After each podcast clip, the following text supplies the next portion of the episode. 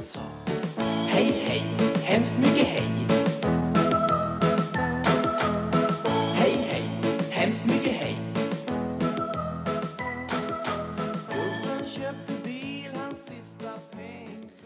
Den där svenskan förlänger den internationella kvinnodagen och sänder dubbelavsnitt för att fira. För visst borde väl kvinnor ha fler än bara en dag om året att uppmärksammas på. Det tycker i alla fall vi. I dagens avsnitt så berättar Ayla om Fredrika Bremer, en av de viktigaste personerna i den svenska kvinnorörelsens framväxt. Du kommer bland annat få höra om hur Fredrika genom sina böcker gav exempel på hur orättvist kvinnors ställning i samhället var på den här tiden. Vilket till slut ledde till att de styrande påverkades av hennes ord och till slut ändrades också lagarna. Bremer bidrog på detta sätt till att utvidga kvinnors rättigheter, vilket vi naturligtvis är väldigt tacksamma för än idag. I det här avsnittet vill jag berätta om Fredrika Bremer.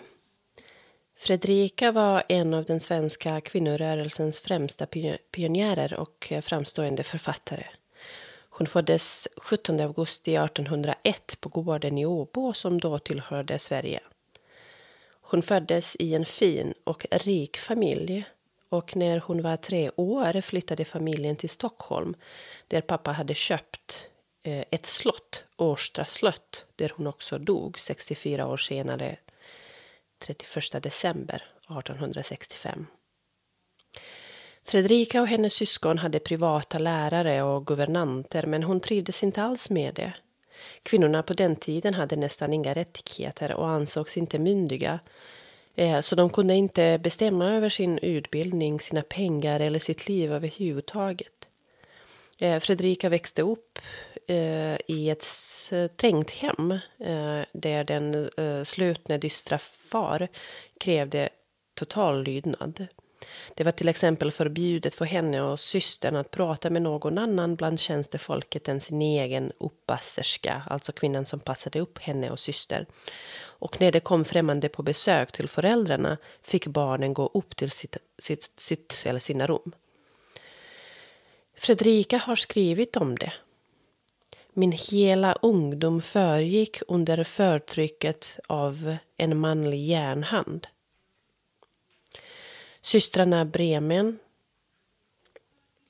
halvsvalt för att inte bli tjocka och fick lära sig att uppföra sig som förväntades av unga damer på den tiden i väntan på att bli fint gifta.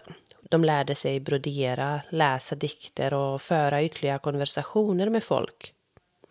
Men det passade inte alls Fredrika. Hon störde sig på sånt.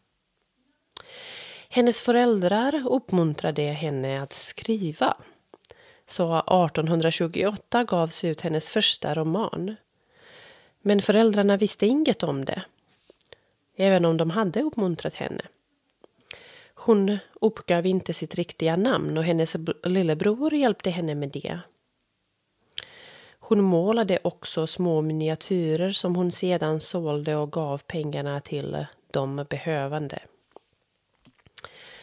När Fredrikas pappa dog 1830 kom det ut hennes andra roman och då avslöjades det att det var hon som var författare. Då fick hon en medalj av Svenska akademin. Och under 1830-talet blev hon också känd utanför Sveriges gränser och hennes böcker översattes till andra språk. Hon brukade skriva om kvinnors rätt till utbildning, rösträtt och liknande i sina böcker. Fredrikas böcker såldes bra. Hon tjänade bra pengar. Men eftersom hon var omyndig kunde inte, uh, hon kunde inte bestämma över sina pengar. Och det gjorde hennes bror istället. Men han slösade mycket pengar och han slösade bort en stor del av hennes arv efter pappan. Och när han dog bestämde sig Fredrika en dag att begära hos kungen att få bli myndig.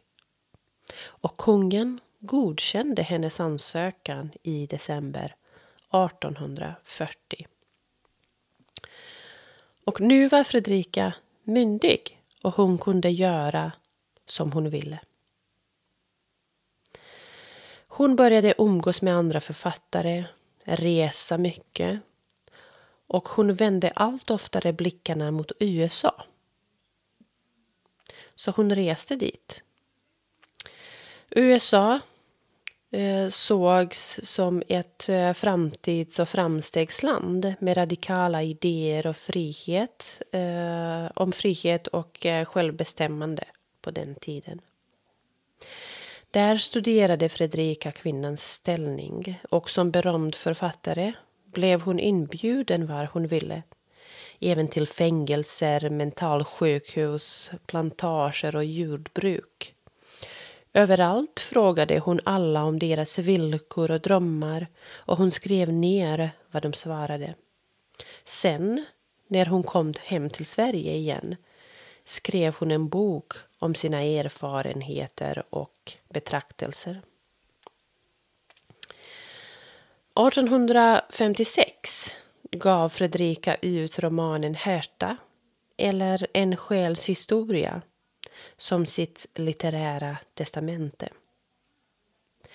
Romanen kretsar kring den eh, frispråkiga Herta Falk och hennes kamp för frihet, för sig själv och sina bundna medsystrar. Herta är en deprimerad gudstvivlare som jämför den svenska kvinnoförtrycket med slaveriet i Amerika. Den här romanen väckte en enorm offentlig debatt och kritiken var hård både mot romanen och mot Fredrika som person. Men två år efter att hennes bok hade kommit ut infördes lagen att ogifta kvinnor över, eh, över 25 år fick rätt att ansöka om att få bli myndiga om de ville det. Och den hetiska debatt som följde på utgivningen av Härta undvek Fredrika genom att ytterligare Och den hetska debatt som eh, följde på eh, utgivningen av Härta undvek Fredrika genom att resa utomlands. Det var en fem år lång pilgrimsfärd i Schweiz, Italien, Grekland, Grekland, Turkiet och Palestina.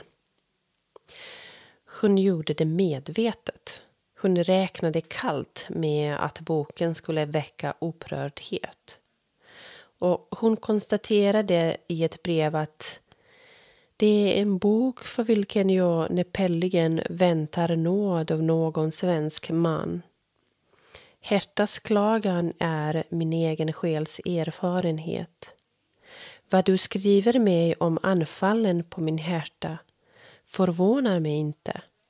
Vad som varit mig oväntat är den egna underliga glädjekänsla som jag erfarit därav. Den här resan, femårslånga resan, resulterade i ytterligare en roman, Livet i gamla världen, som kom ut 1861-62. Under eh, sin tid i Sverige efter den här resan hade Fredrika ett annat projekt. Och det var eh, att eh, starta en kyrka där alla olika trosuppfattningar skulle verka tillsammans. Och förutom det var Fredrika också eh, engagerad för djurrätt, vilket hon skrev om flera gånger. Efter en kort tids förkylning dör Fredrika 31 december 1865 på grund av lunginflammation. Hon dör på Östra slott, 64 år gammal. I Sverige lanserades, lanserades hon ofta som en svensk Jay Austen, en eh, känd brittisk författare. Och i USA, där hon blev mycket populär, jämställdes hon med Charles Dickens. Andra skrev om Fredrika. Bland annat Selma Lagerlöf, Elin Wägner, men också andra. Fredrikas inställning förändrade framtiden, framtiden för både henne själv och Sveriges alla kvinnor.